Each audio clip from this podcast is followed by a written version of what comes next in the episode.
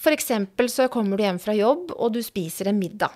Mm, du bor alene, og så kjenner du at nå trenger jeg dette friminuttet. Så kan du f.eks. spise en sjokoladeplate. Du kan spise, kjøpe deg en kake, en ferdig frossen liten kake. Du spiser den. Og når du har spist dette, så har du lyst på noe salt. Så fortsetter du på typisk en potetgullpose. Mm. Så går det en liten stund, og så har du lyst på enda mer. Så går du over på det litt søte igjen. Som kanskje er igjen noe sånn litt sånn enkelt, kanskje is. Du spiser en sånn Ben Jerry-is eller en litt større is. Mm. Og til slutt så er det kanskje noe salt igjen, så det er litt vanskelig å gi deg mengdene. Men dette er ikke, ikke urealistisk. Og tenk deg hvordan magen har det da. Dagens gjest er Janne Langehaug Antonsen, klinisk ernæringsfysiolog og fagansvarlig for bl.a. spiseforstyrrelsesgruppen her på Volvat. Og dagens tema er nettopp spiseforstyrrelser. De fleste har hørt om anoreksi og bulimi, og mange tror at når noen har spiseforstyrrelse, så er det veldig synlig. Men sånn er det ikke nødvendigvis. I dag skal vi snakke om de variantene som ikke alltid er så synlige på utsiden, men som er minst like viktig å få hjelp for. Og spiseforstyrrelser kan jo bestå både av eh, egentlig eh, for lite inntak av næring og for mye. Eh, hvor man har et anstrengt forhold til mat. Kan ikke du fortelle, hvem er den typiske pasienten som kommer inn til deg, Janne? Ja, det er interessant du sier det du gjør med at dette er en veldig bred gruppe. For det er det per definisjon. Men de fleste som kommer til meg, de har nok i overkant har anoreksi. Altså de er tynne, veldig tynne. Du ser de på gata. Eh, du blir bekymra når du ser de. Eh, og, og, det jeg er veldig altså, glad for, er at kanskje denne trenden begynner å endre seg litt. Fordi at dette er en veldig liten andel av de som faktisk har spiseforstyrrelser. For dette kanskje utgjør opp mot maks 15% av de med spiseforstyrrelser, men resten de ser du ikke.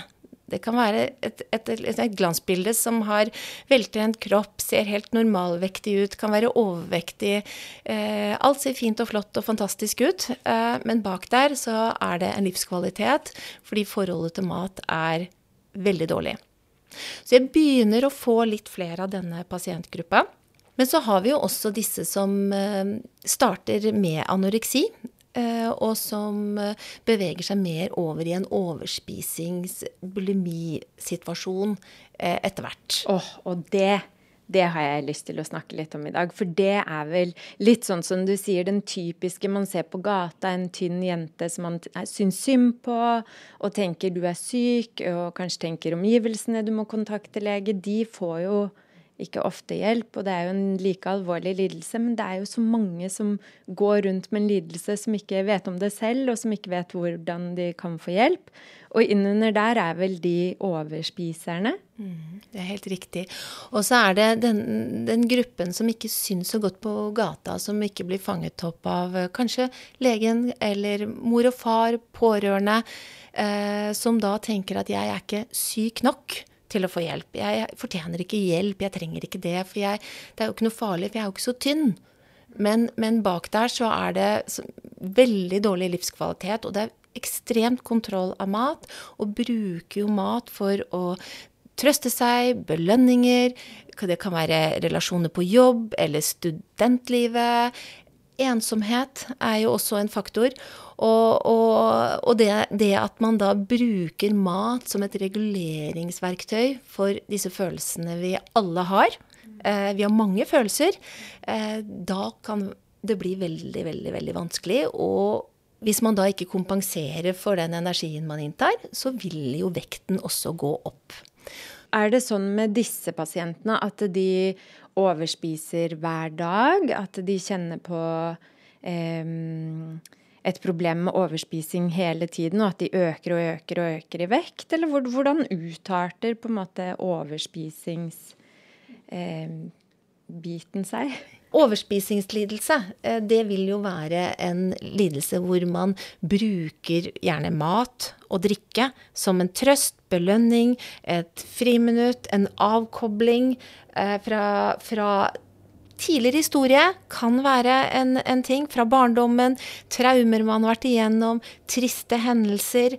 Eh, det behøver ikke være det. Det kan være dagen i dag. Stress på jobb. Føler ikke at man rekker over. Eh, sammenligner seg med mange andre. Misunnelse, sjalusi. Og da bruker man gjerne maten for å regulere disse følelsene. Er jo, maten er jo det nærmeste man finner en antidepressiva eller en lykkepille da, eh, som er i skapet hjemme. Du trenger ikke til legen for å få resept. Du kan bare gå og handle den, eller bestille den på Foodora, eller bestille på Oda, så kommer den faktisk levert hjem til deg. Du slipper å forholde deg til dem som sitter i kassa, og kjøpe mye mat for å ha en episode, da, som jeg kaller det, på kvelden, hvor du konstant spiser. Så det er veldig lett tilgjengelig. Og, og, akkurat det du nevnte, det er så fin måte å beskrive det på, det du sa nå. Men du nevnte på kvelden. Mm. Eh, for er det noen tider på døgnet som er mest sårbare for, eh, for disse med overspisingslidelse? Det er et veldig godt spørsmål. Fordi selvfølgelig så opplever jeg nok at det, dette er episoder som skjer mye på ettermiddag og kveld. Og det er jo fordi at på dagen så er man gjerne okkupert. Veldig mange er det i hvert fall. Med enten skole eller barn eller jobb. Det skjer ting. Men så prøver man da på dagen å spise lite, for man skal jo være flink, ikke sant, i gåseøyne. Eh, å spise lite og kontrollert og være veldig sunn. Og så kommer man på ettermiddagen, og så har man spist for lite. For lite energi, kalorier. Og så slår denne hjernen inn. Og så har vi noen signalstoffer, leptin og grelin, som sier noe om måltidsfrekvens, det sier noe om kaloriinntak i løpet av en dag. Og så hitter dette. Og da er det veldig litt, når man setter seg ned, roer litt ned, at man da begynner å spise. Og så klarer man ikke å stoppe. Det er både fysiologisk og psykologisk dette slår, slår inn da. Dette er sånn typisk. Og da er jo gjerne verktøyet som jeg jobber veldig tydelig med med pasientene, er at vi lager litt sånn opplegg på hvordan de skal spise nok fra morgenen av. Nok til hvert måltid for å prøve å komme ut av den situasjonen. Lysten på en liten friminutt å overspise og dempe disse følelsene og, og irritasjonen på den kollegaen eller ektemannen eller kona eller hvem det nå enn er, eh, den kan være der. Men da blir hjernen mye mer klartenkt. Og det er jo ingen som ønsker å overspise. Det er ingen som ønsker den fysiske smerten, den psykiske smerten det er. For det er fryktelig vondt der og da veldig, veldig veldig vondt. Jeg har fått noen bilder av pasienter på disse magene, hvordan de ser ut. Og det, det, det, ser helt grusomt ut. Så jeg forstår at dette er, eh, er, er veldig smertefullt på alle måter. Det må jo være en vond følelse å sitte med den store skuffelsen over seg selv både den kampen som kommer i forkant, men også den enorme skuffelsen som kommer etterpå. Ja, Og så drar du med deg den flere dager etterpå. For vi har jo en kapasitet i dette systemet, eh, i tarmene våre, til å fordøye denne maten. Og når vi får så store mengder mat, så klarer jo ikke vi å spalte f.eks. disse karbohydratene. Så kommer det mye ned til den nederste delen av tarmen.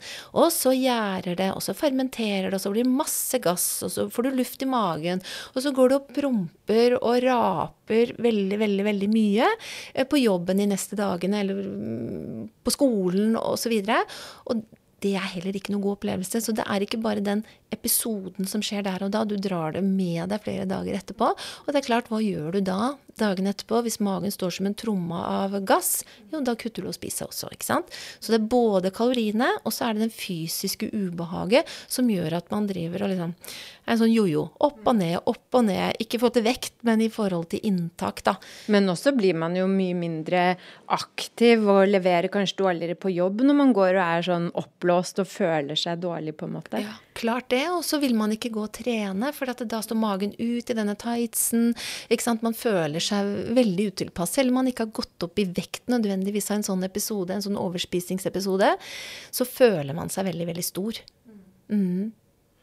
Kan jeg bare spørre, Du sa det er helt forferdelige bilder vi snakker om. Og, eller hva, Hvor mye mat er det snakk om at man spiser? Eller en typisk sånn episode?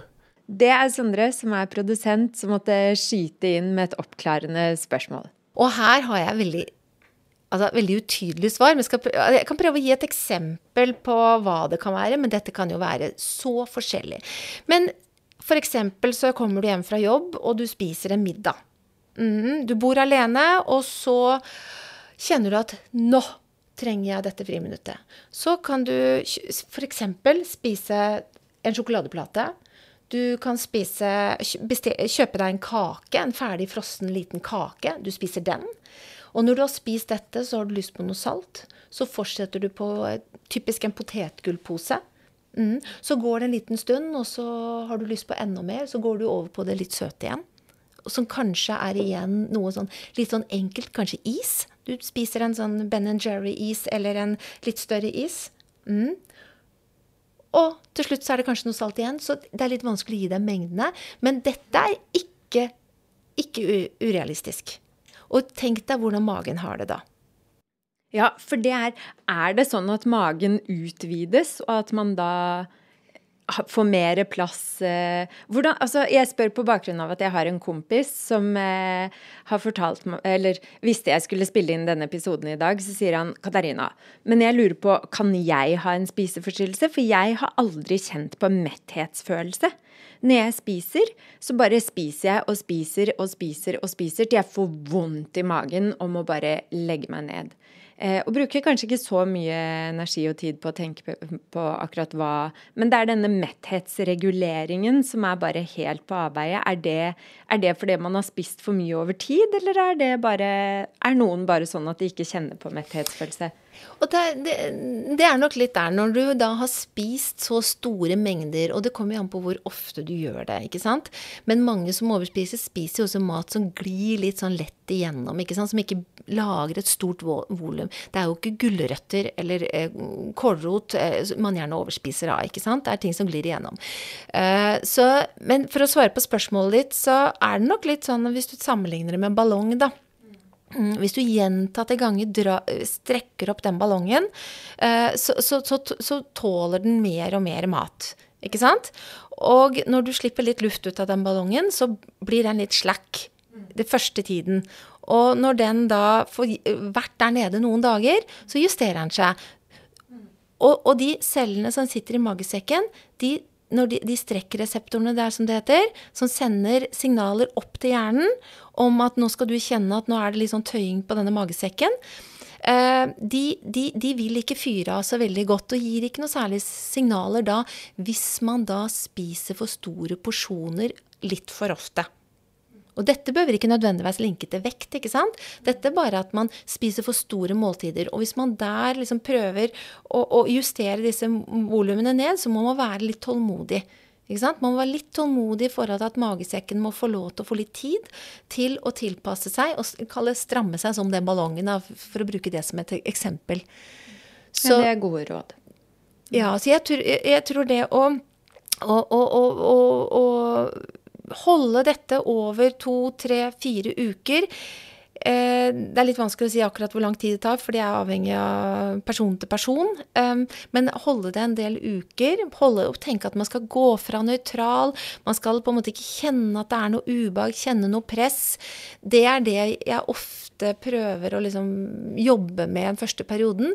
Og så er det så rart, fordi veldig mange pasienter sier det du sier, at ja, men jeg har ikke sult, appetitt og regulering intakt, jeg har ikke mettetsfølelse. Men så kommer den.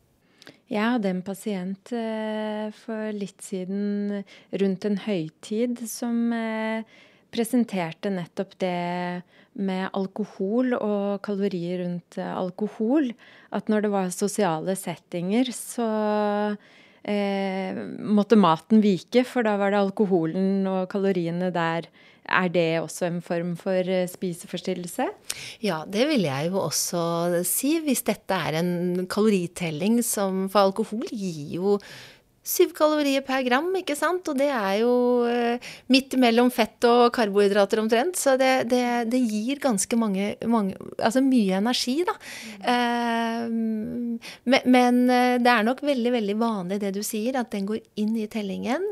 Eh, absolutt. Og så er det litt med det med alkohol, at det også kan gjerne utløse situasjoner. Eh, det eh, Ernæringsfysiologen er ikke mot alkohol på noen måte, men, men, det kan gjerne utløse en overspising eller en oppkastepisode. Og det er jo klart at følelsene blir, kan bli skarpere, og man kan kjenne litt på det man ikke er fornøyd med, og bli litt sentimental. Mm. Så og få en dårligere periode etterpå fordi man skal straffe seg selv eller har dårlig samvittighet eller Ja. ja. ja og det vi snakket om i sted rundt um, dette med sunnhet, overopptatthet, overopptatthet av sunnhet Ja, det var litt av et ord. ja, det er litt langt og vanskelig. Uh, det, det, det, er klart at alkohol både Altså alle vet at alkohol ikke er bra. Alkohol er ikke sunt, det er ikke bra for oss. Men det smaker veldig godt. Og det er veldig sosialt Eh, hyggelig. Eh, så man skal ikke unngå det. Men, men dette passer ikke helt inn i denne, dette bildet av å være så eh, perfekt da, på alt det man putter inn i kroppen. Og vi tåler litt alkohol. Det gjør ingen skade på kroppen. Nei, Nei det er bra du sier, for det tror jeg Ja mange har et anstrengt forhold til akkurat rundt dette med slanking og sånt. Ja. Men eh, du snakket litt sånn innledningsvis om eh, de som kanskje står litt i faresonen for å utvikle en spiseforstyrrelse. Eh, kanskje vi kunne tatt en runde på akkurat det. For eh, anoreksi har vi snakket om ofte er jenter i en sårbar alder, hvor kroppen endrer seg litt, og hvor det er mye som skjer. Eh, dette med overspisingsforstyrrelse, hvis man kan kalle det det, eh, eller bulimi eller trening eller sånt. Er det noen spesielle aldre det affekterer? Henger det i fra barndommen, eller kan det plutselig komme i voksen alder utløst av helt andre ting? Hva er din erfaring med det? Jeg opplever nok at uh, aldersgruppene er omtrent like. Det opplever jeg egentlig. Uh, og um, Men er det høyere alder for de med overspising som søker Bruker de lengre tid på å søke hjelp?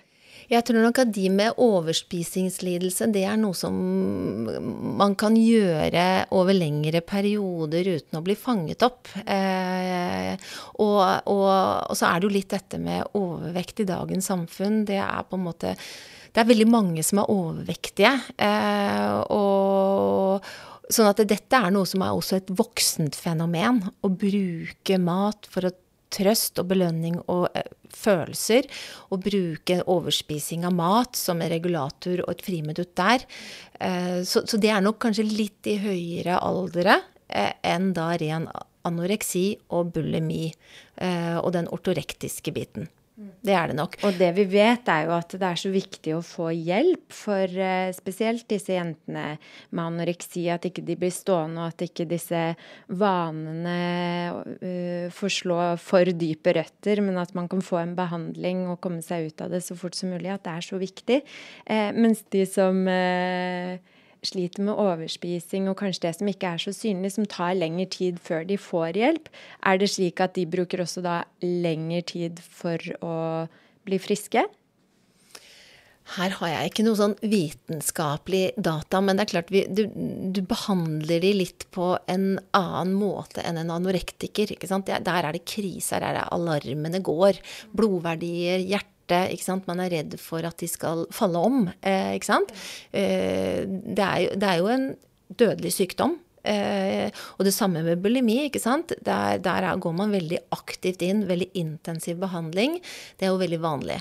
Eh, overspisere som trøst og belønning, det, det, det mm, der får man gjerne i seg det man trenger, så lenge man ikke, ikke sant? så lenge man ikke kaster det opp. ikke sant? Så det er ikke så akutt fare. Så det er nok ikke stor, like stort trykk på behandlingen eh, på samme måte, tror jeg. Det tror jeg er ganske vanlig. Og litt sånn som du sier, da, at eh, kanskje når det har gått for langt, hvis man ikke har klart å kontrollere det, og den vekta blir et primærbehov og belastning på hjerte-kar, så er det kanskje det som stjeler litt fokuset også. Eh, hei, hvorfor har du endt opp der? Nei, men nå må vi, i hvert fall vi som leger, må jo da fokusere på den diabetesen som har utviklet seg, og hjerte-karsykdom, og i en bisetning kanskje nevner noe om vekt og tiltak, men, men primært konsentrerer oss om de risikoene som faktisk er der. Og det er um, Når du får en overvektspasient inn på kontoret, som da har bestilt time for å gå ned i vekt, så kommer det som regel en annen historie i det rommet enn det som den pasienten hadde tenkt han skulle fortelle.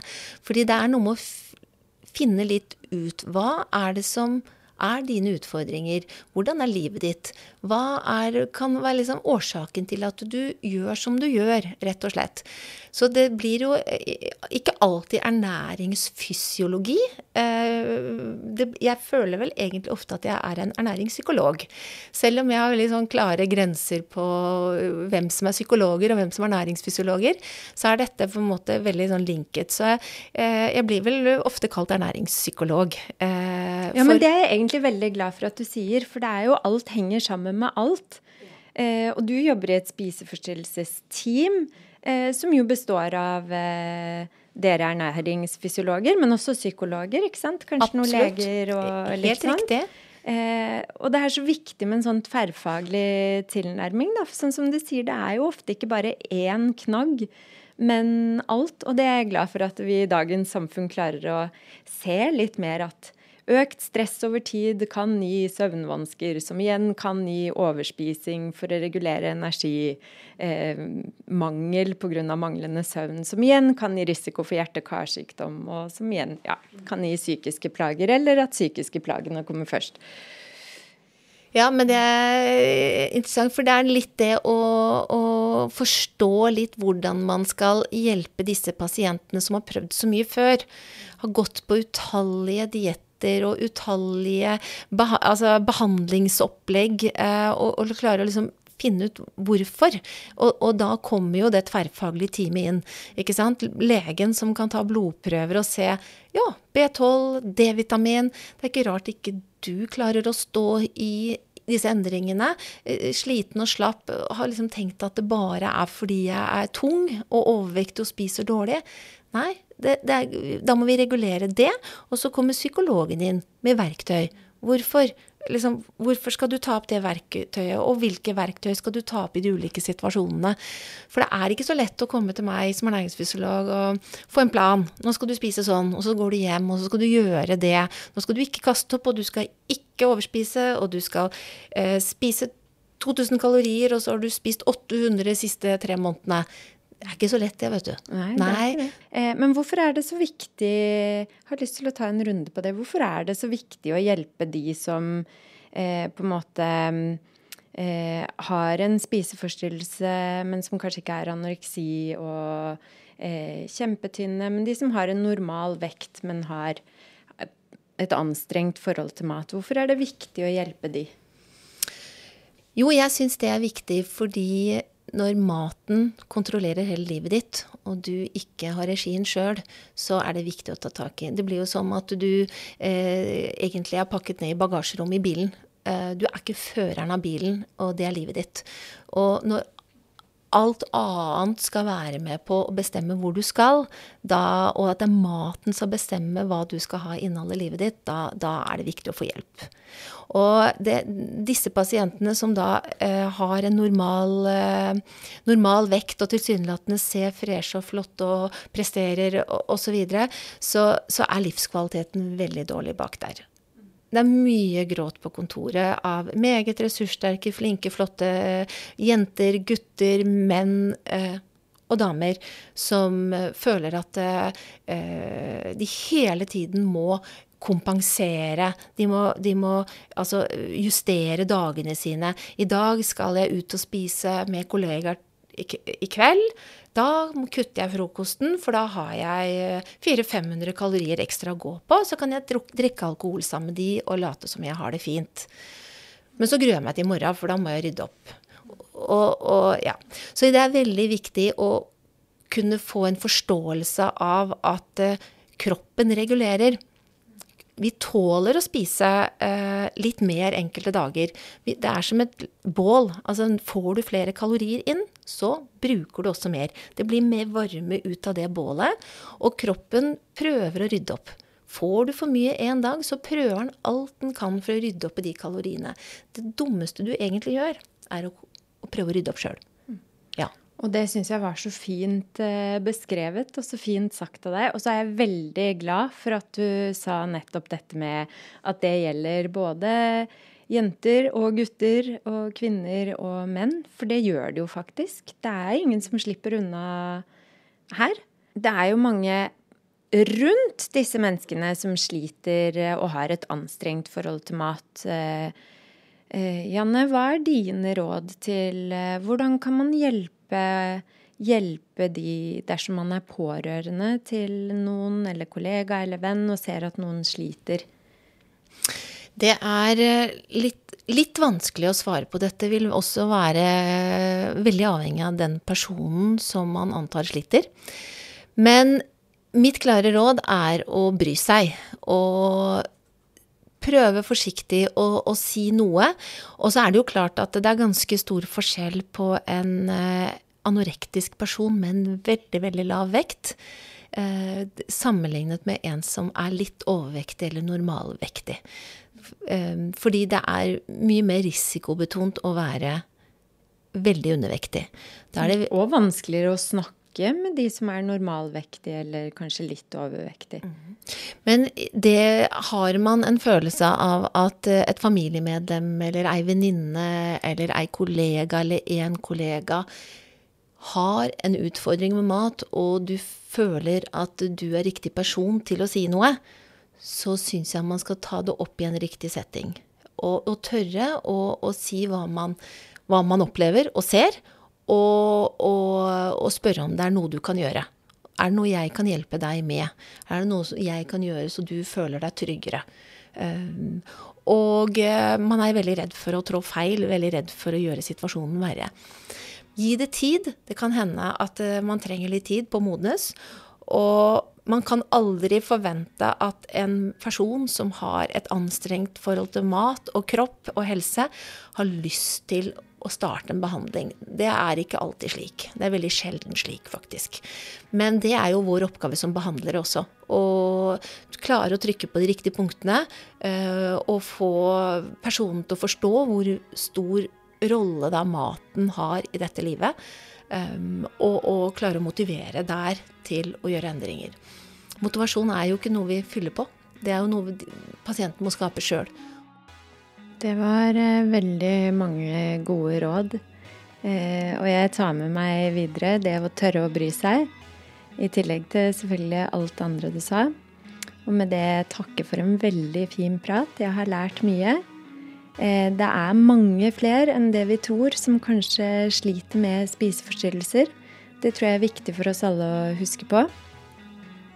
Så del gjerne episoden videre hvis du kjenner noen som kan ha godt av å lytte til temaet eller lære mer om dette. Og takk for at du hørte på i dag, og takk for at du kom, Janne.